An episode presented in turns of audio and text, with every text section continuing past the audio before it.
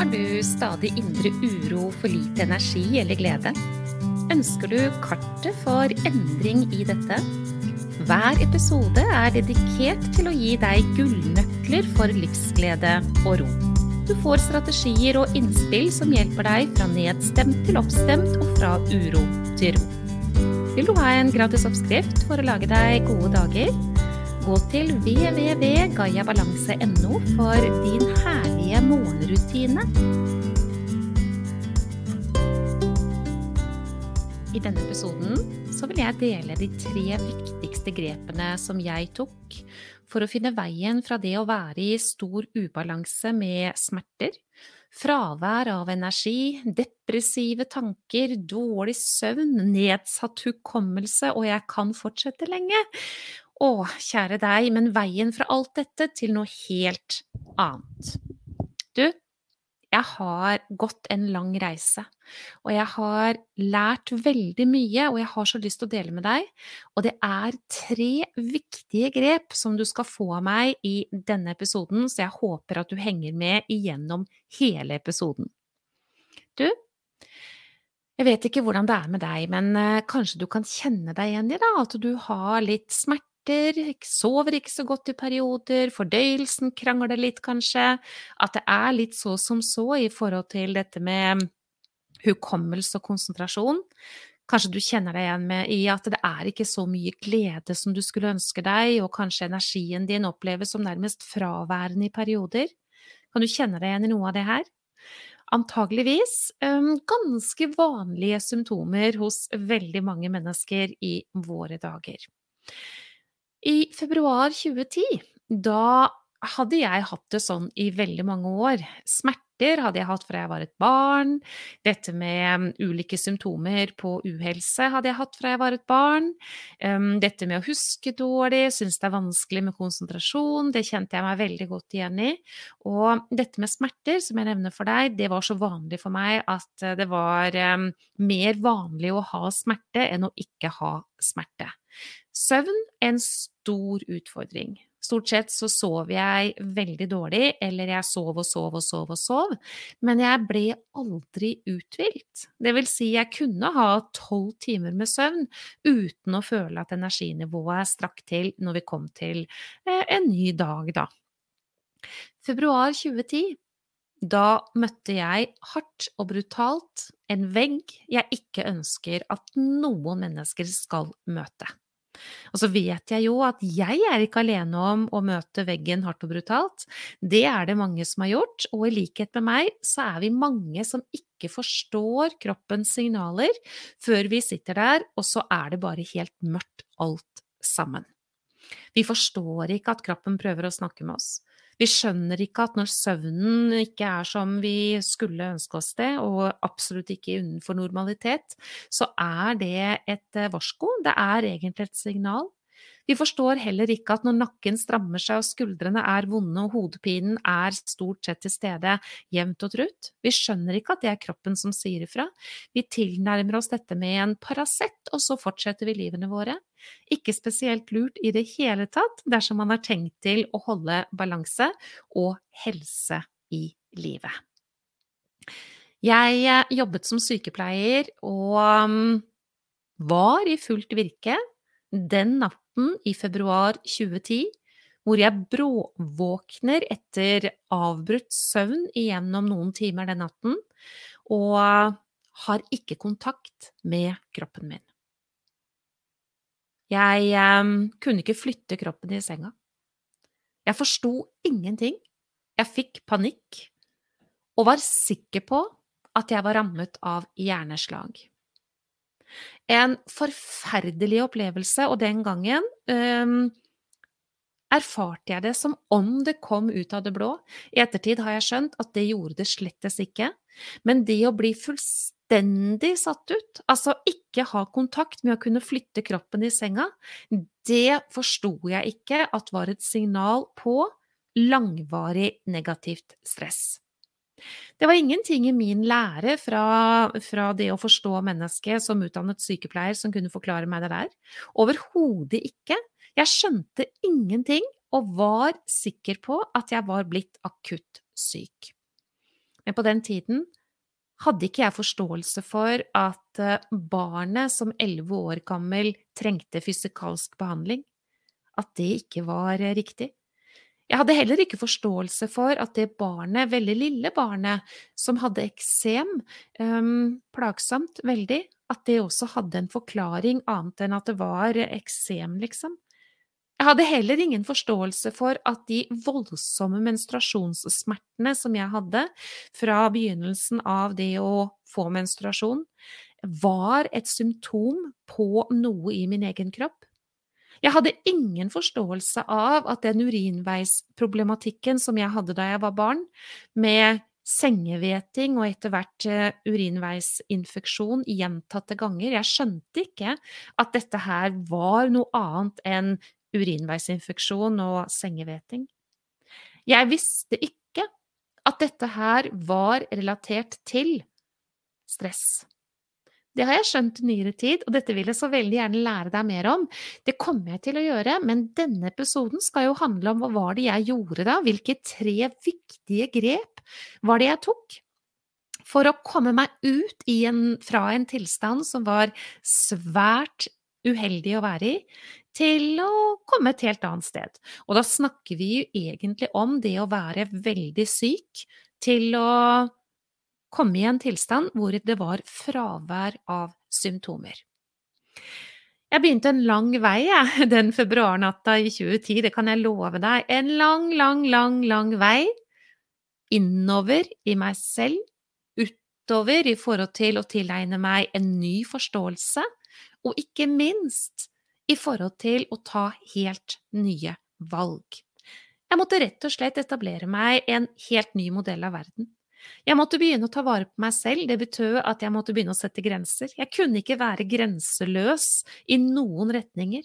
Jeg måtte slutte å strekke meg fordi jeg trodde at det måtte jeg for å bli likt, for å være god nok, for å bevise at jeg var verdt noen ting, hvilket jeg hadde holdt på med siden jeg var et barn.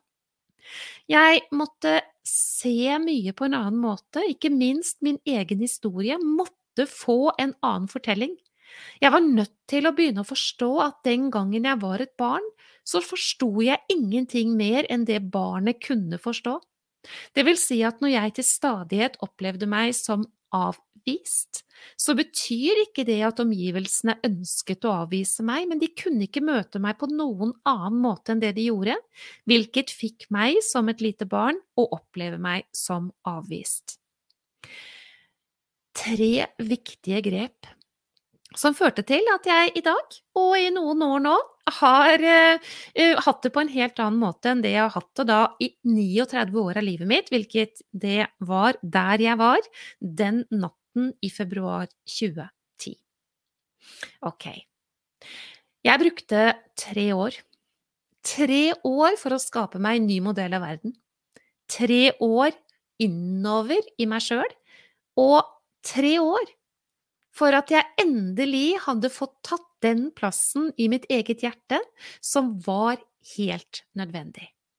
Vet du, da jeg var elleve år, så sendte min farmor meg til fysikalsk behandling for mine nakke- og skuldersmerter og store plager.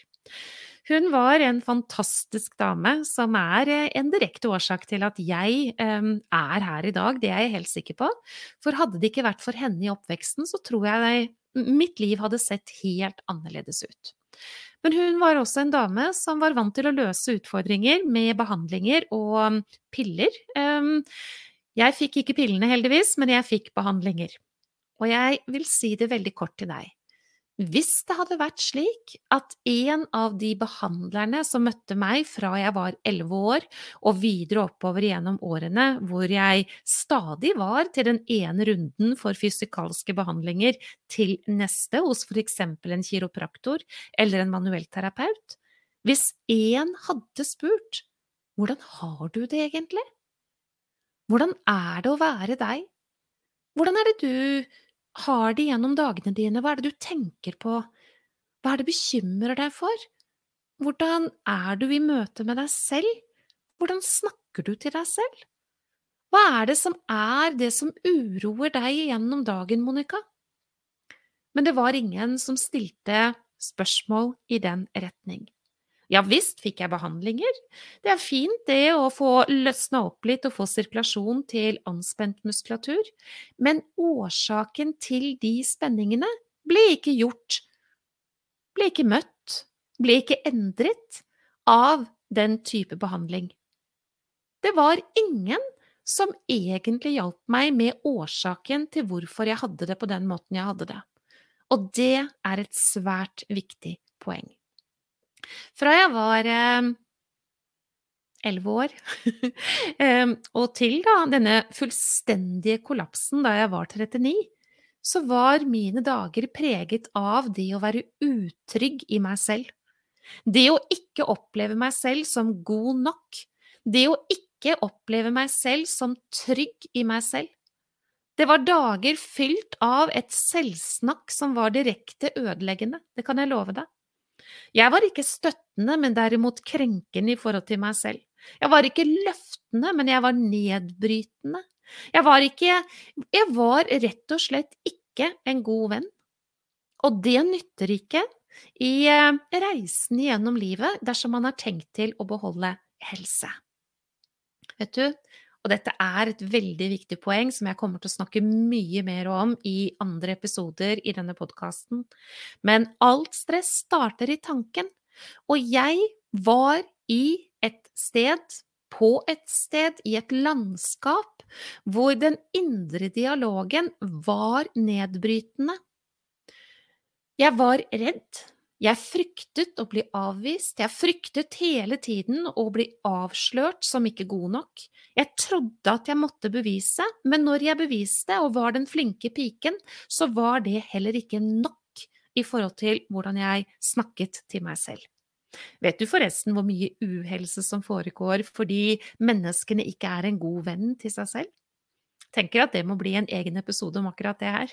Og det hadde, hadde det vært slik med meg den gangen, eh, da jeg vokste opp og ble ung voksen og sånn, at jeg var min egen beste venn, så kan jeg love deg at verden hadde sett annerledes ut enn den faktisk ble for mitt vedkommende.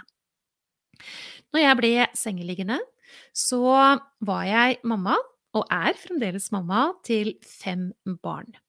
Jeg var eh, blitt alene, gått igjennom eh, en traumatisk, en tung, virkelig krevende mm, episode i mitt liv ved å gå igjennom et samlivsbrudd. De aller fleste opplever det som svært vanskelig, så også jeg.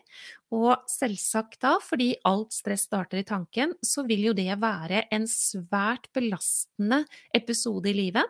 Man kan rett og slett bli syk av å gå igjennom et samlivsbrudd, eksempelvis. Det er ikke hovedårsaken til at jeg kollapset den februar 2010, men det er en ingrediens. Så lå jeg der, da. Jeg lå der i sengen, jeg hadde to mål for dagen. Det var å kunne klare å stå opp med barna, som den gangen var i alder mellom 8 og 16 år. Jeg ønsket å kunne stå opp og se de vel av gårde til skolen, men eh, det var ikke alltid jeg fikk til det. Og takk og lov for min eldste datter, som fikk litt vel stort ansvar, dessverre, i den perioden av vårt liv. Jeg hadde ett mål til, og det var å kunne klare å lage middag hver dag. Det var veldig, veldig viktig for meg. Det var superviktig for meg at ungene fikk sunn og god mat, og at vi skulle samles rundt middagsbordet om ettermiddagen. Det gikk ikke. Det gikk egentlig svært sjelden. Jeg hadde stort sett ligget i sengen hele dagen, og når jeg endelig da skulle i gang med denne matlagingen som var svært viktig for meg, så opplevde jeg ofte at jeg ikke klarte å røre i grytene, at jeg sovnet, at jeg gråt, at jeg var sint, at jeg var fortvilet, frustrert, irritert. I det hele tatt, det var altså så mange symptomer på at jeg var i stor ubalanse, og hver eneste gang jeg oppdaget at tålmodigheten ikke strakk til, at jeg var sinna, at det kom noe ut av min munn som ikke var ok, så ble jeg svært lei meg og enda mer nedbrutt. I denne perioden var jeg veldig opptatt av å finne ut av hva det var som var galt med meg. Fordi jeg skjønte jo at ikke det var hjerneslag, jeg fikk jo føleligheten tilbake i eh, kroppen min. Men eh, jeg hadde smerter overalt, jeg var stadig vekk like deprimert, jeg var fylt av angst. Det var i det hele tatt ikke en eneste prosess i kroppen som fungerte slik man ønsker at det skal gjøre. Og så fortsatte man jo da i denne dansen etter jakt på hva er det som skjer med meg? For ingen prøver viste noen ting. Eh, blodprøver viste et mulig litt lavt stoffskifte, fikk da medisin for det, men eh, legen var veldig usikker på om det egentlig var riktig. Jeg hadde et litt for høye blodtrykk, og det har jeg jo skjønt i ettertid, for med alt det stresset som jeg skapte i meg selv, via mine egne tanker, mitt fokus, min modell av verden, så måtte det bli et høyt blodtrykk, hvilket er helt normalt og vanlig fordi man har en stressaktivering i kroppen. Det var ingenting som forklarte noen ting, og jeg var jo mer og mer fortvilet, lette febrilsk og ba om send meg til en spesialist for smertene mine. Jeg ble sendt til en revmatolog som foretok sine undersøkelser, og fikk stemplet i papirene har fibromyalgi. Og ja, eh, det kan bare krysse av i sjekklista i forhold til den type diagnose. Alt stemte. Jeg kunne krysse av på hvert eneste punkt, og jeg kunne også føle en viss lettelse over at revmatologen sa du har fibromyalgi. Og vet du hvorfor? For da fikk jeg en forklaring. Jeg fikk muligheten til å henge det landskapet jeg befant meg i, på en knagg, en forklaring. Men eh, jeg hang det også på da en eh, kronisk lidelse. Og den kan man jo ikke bli frisk av, trodde jeg. Der tok jeg heldigvis skammelig feil. Jo visst går det an å komme dit hvor symptomene på uhelse ikke får lov til å få den pregingen på livet. Det går an å skape endringer, og i dag, og slik har det vært en del år nå, syv år, når jeg snakker med deg om dette her, så kunne ingen ha gitt meg den diagnosen. Jeg har fravær av symptomene, men jeg nekter å snakke om syk og frisk i dette, fordi jeg vet utmerket godt hvordan jeg skal begynne å tenke for å få masse stress igjen, hvilket da i sin tur vil sørge for nedbrytelse av alle systemer i kroppen. Og du, kjære deg, det jeg snakker om nå er svært viktig. Stressaktiveringen i mennesket er ikke farlig i seg selv, men når den blir pågående over tid, så klarer ikke kroppen å bygge opp, men bedriver altså et nedbrytelsesarbeid, og det går ikke for noen av oss. De typiske symptomene er smerter, er problemer i forhold til søvn, er i forhold til hjertebank, er i forhold til mageutfordringer osv., osv. Ca. 85% av sykdommene våre er stressrelaterte. Og så holder vi på, da. Vi løper rundt og leter etter forklaringer på hva det er som skjer med oss. Vi ønsker å få hjelp. Fins det noen piller, kanskje? Der var jeg også. Når jeg nå vet at det er fibromyalgi, husker jeg tenkte, så må jeg kunne få noe hjelp med dette her. Men eh, jeg kan vel ikke akkurat skryte av at eh, den hjelpen jeg kunne få, hjalp meg. Nei, jeg måtte finne det kartet sjøl.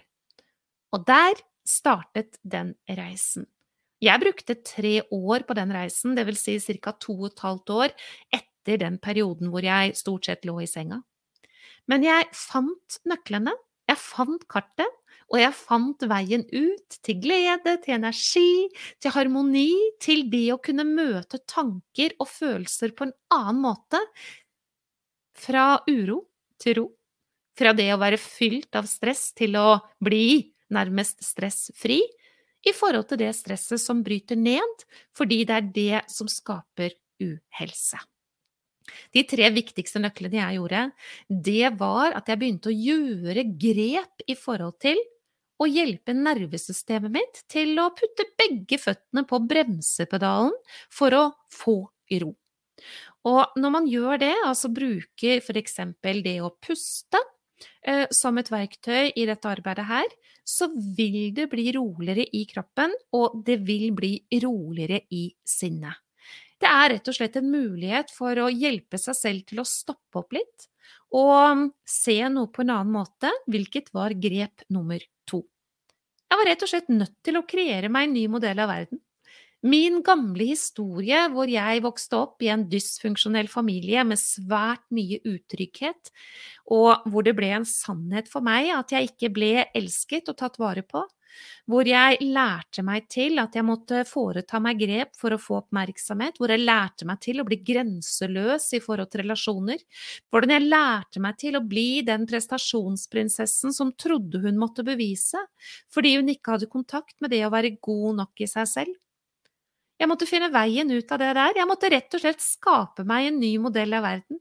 Jeg måtte lære meg selv til å forstå at det jeg trodde var sannhet da jeg var et barn, kunne jeg se på en annen måte. Fordi barnet kunne ikke forstå hele bildet da hun var et barn. I tillegg til det så gjorde jeg et viktig grep til. Jeg eh, begynte å ta på alvor at eh, det jeg puttet inn i munnen min, det kunne enten bygge meg opp eller bryte meg ned. Og da ble det slik at um, sukker og hvitt mel, hvilket jeg da lærte meg til er sterkt belastende for oss på alle mulige måter, både deg og meg, det begynte jeg å ta bort fra kosten min. Og jeg har lyst til å si det, hvis jeg slurver med dette her i dag, hvis jeg har perioder hvor jeg spiser mer sukker enn det jeg tåler, så øker uroa i kroppen min, og jeg merker det i forhold til hvilke tanker som jeg blir servert i toppetasjen. Dette er svært viktig. Tre grep, altså, og jeg sier ikke at dette her er enkelt, men jeg sier at det er fullt mulig. Med verktøy for å få til endringen, så kan alle mennesker gjøre dette. Og det er tre helt nødvendige grep. Grep nummer én gjøre det mulig for kroppen å sette inn bremsepedalen, så ro kan være veien man beveger seg på. Og punkt nummer to begynne å se på verden på en annen måte, møte tanker og følelser på en annen måte, hvilket er helt nødvendig, og bli sin egen beste venn, slik at jeg snakket om det. Og punkt nummer tre være restriktiv i forhold til sukker og hvitt mel, fordi det er så sterkt belastende for nervesystemet. Disse tre grepene er tre grep som er nødt til å bli tatt på alvor. Og så finnes det en del andre grep også, det er derfor jeg har lagd denne podkasten, for jeg har så mye å dele med deg. Men eh, akkurat de tre grepene som jeg snakket om nå, det var absolutt det viktigste for at jeg skulle finne veien fra det å være svært syk av stress og ta føttene mine på en annen vei, hvor jeg slapp tak, da, i smerter, i angst, i depresjon, i søvnutfordringer, i betennelsesproblematikk, i mageutfordringer, i høyt blodtrykk osv. Og, og stoffskifte? Nei da, det er normalisert, det kan du være sikker på. Kan jeg, kjære du, så kan du. Og noe av det som jeg gjorde som var veldig lurt, det har jeg laget til deg i det jeg kaller for din herlige morgenrutine. Rett og slett en oppskrift for hvordan du kan starte dagene dine for at du skal lage deg best mulig dager. Bli din egen beste venn og være oppmerksom på hvordan du kan finne veien til ro. For da vil du hele tiden sette begge føttene dine på, på bremsepedalen og gjøre det mulig for deg å få det på en annen måte. Denne oppskriften på din herlige morgenrutine, den kan du få av meg, men da må du gå inn på nettsiden www.gayabalanse.no, for der ligger den tilgjengelig for deg som du kan hente. Jeg eh, lar deg få den når du legger igjen en e-post, men gå inn og så sjekk eh, hvordan du kan gjøre dette. Du, februar 2010. Fembarnsmor. Alenemor. Sykepleier. Hadde to jobber. 100% stilling og ekstra jobbet med alvorlig syke og døende, kollapset, forsto ingenting. Vandret rundt i et mørke fylt av kaos og smerter. Måtte finne en ny vei ut. lage det kartet, for det fantes ikke. Fant kartet. Fant veien. Gjennom mange rundkjøringer og avveier, det kan jeg love deg. Men eh, stadig sterkere. Stadig stødigere. Stadig i møte med tanker på en annen måte. Stadig med begge føttene på bremsepedalen for å kunne muliggjøre tankearbeidet slik det måtte endres. Og ikke minst fant jeg veien til mitt eget hjerte, hvor selvsnakket mitt ble å snakke opp, å være støttende og løftende og aksepterende, og grensesettende, hvilket var en absolutt nødvendighet for meg. Morgenrutinen jeg har laget, den brukte jeg og bruker fremdeles, og den vil jeg veldig gjerne at du skal ta imot når du nå har lyttet til denne episoden. Du er verdifull. Og det å ta valg som bekrefter at du er, det håper jeg at du vil velge å gjøre, fordi det var en absolutt nødvendighet for meg for å finne veien fra uro til ro, fra manglende glede til å få massevis av det, fra det å være fylt av uro og stress til å komme på et helt annet sted. En nødvendighet. Og du fortjener å ha gode dager.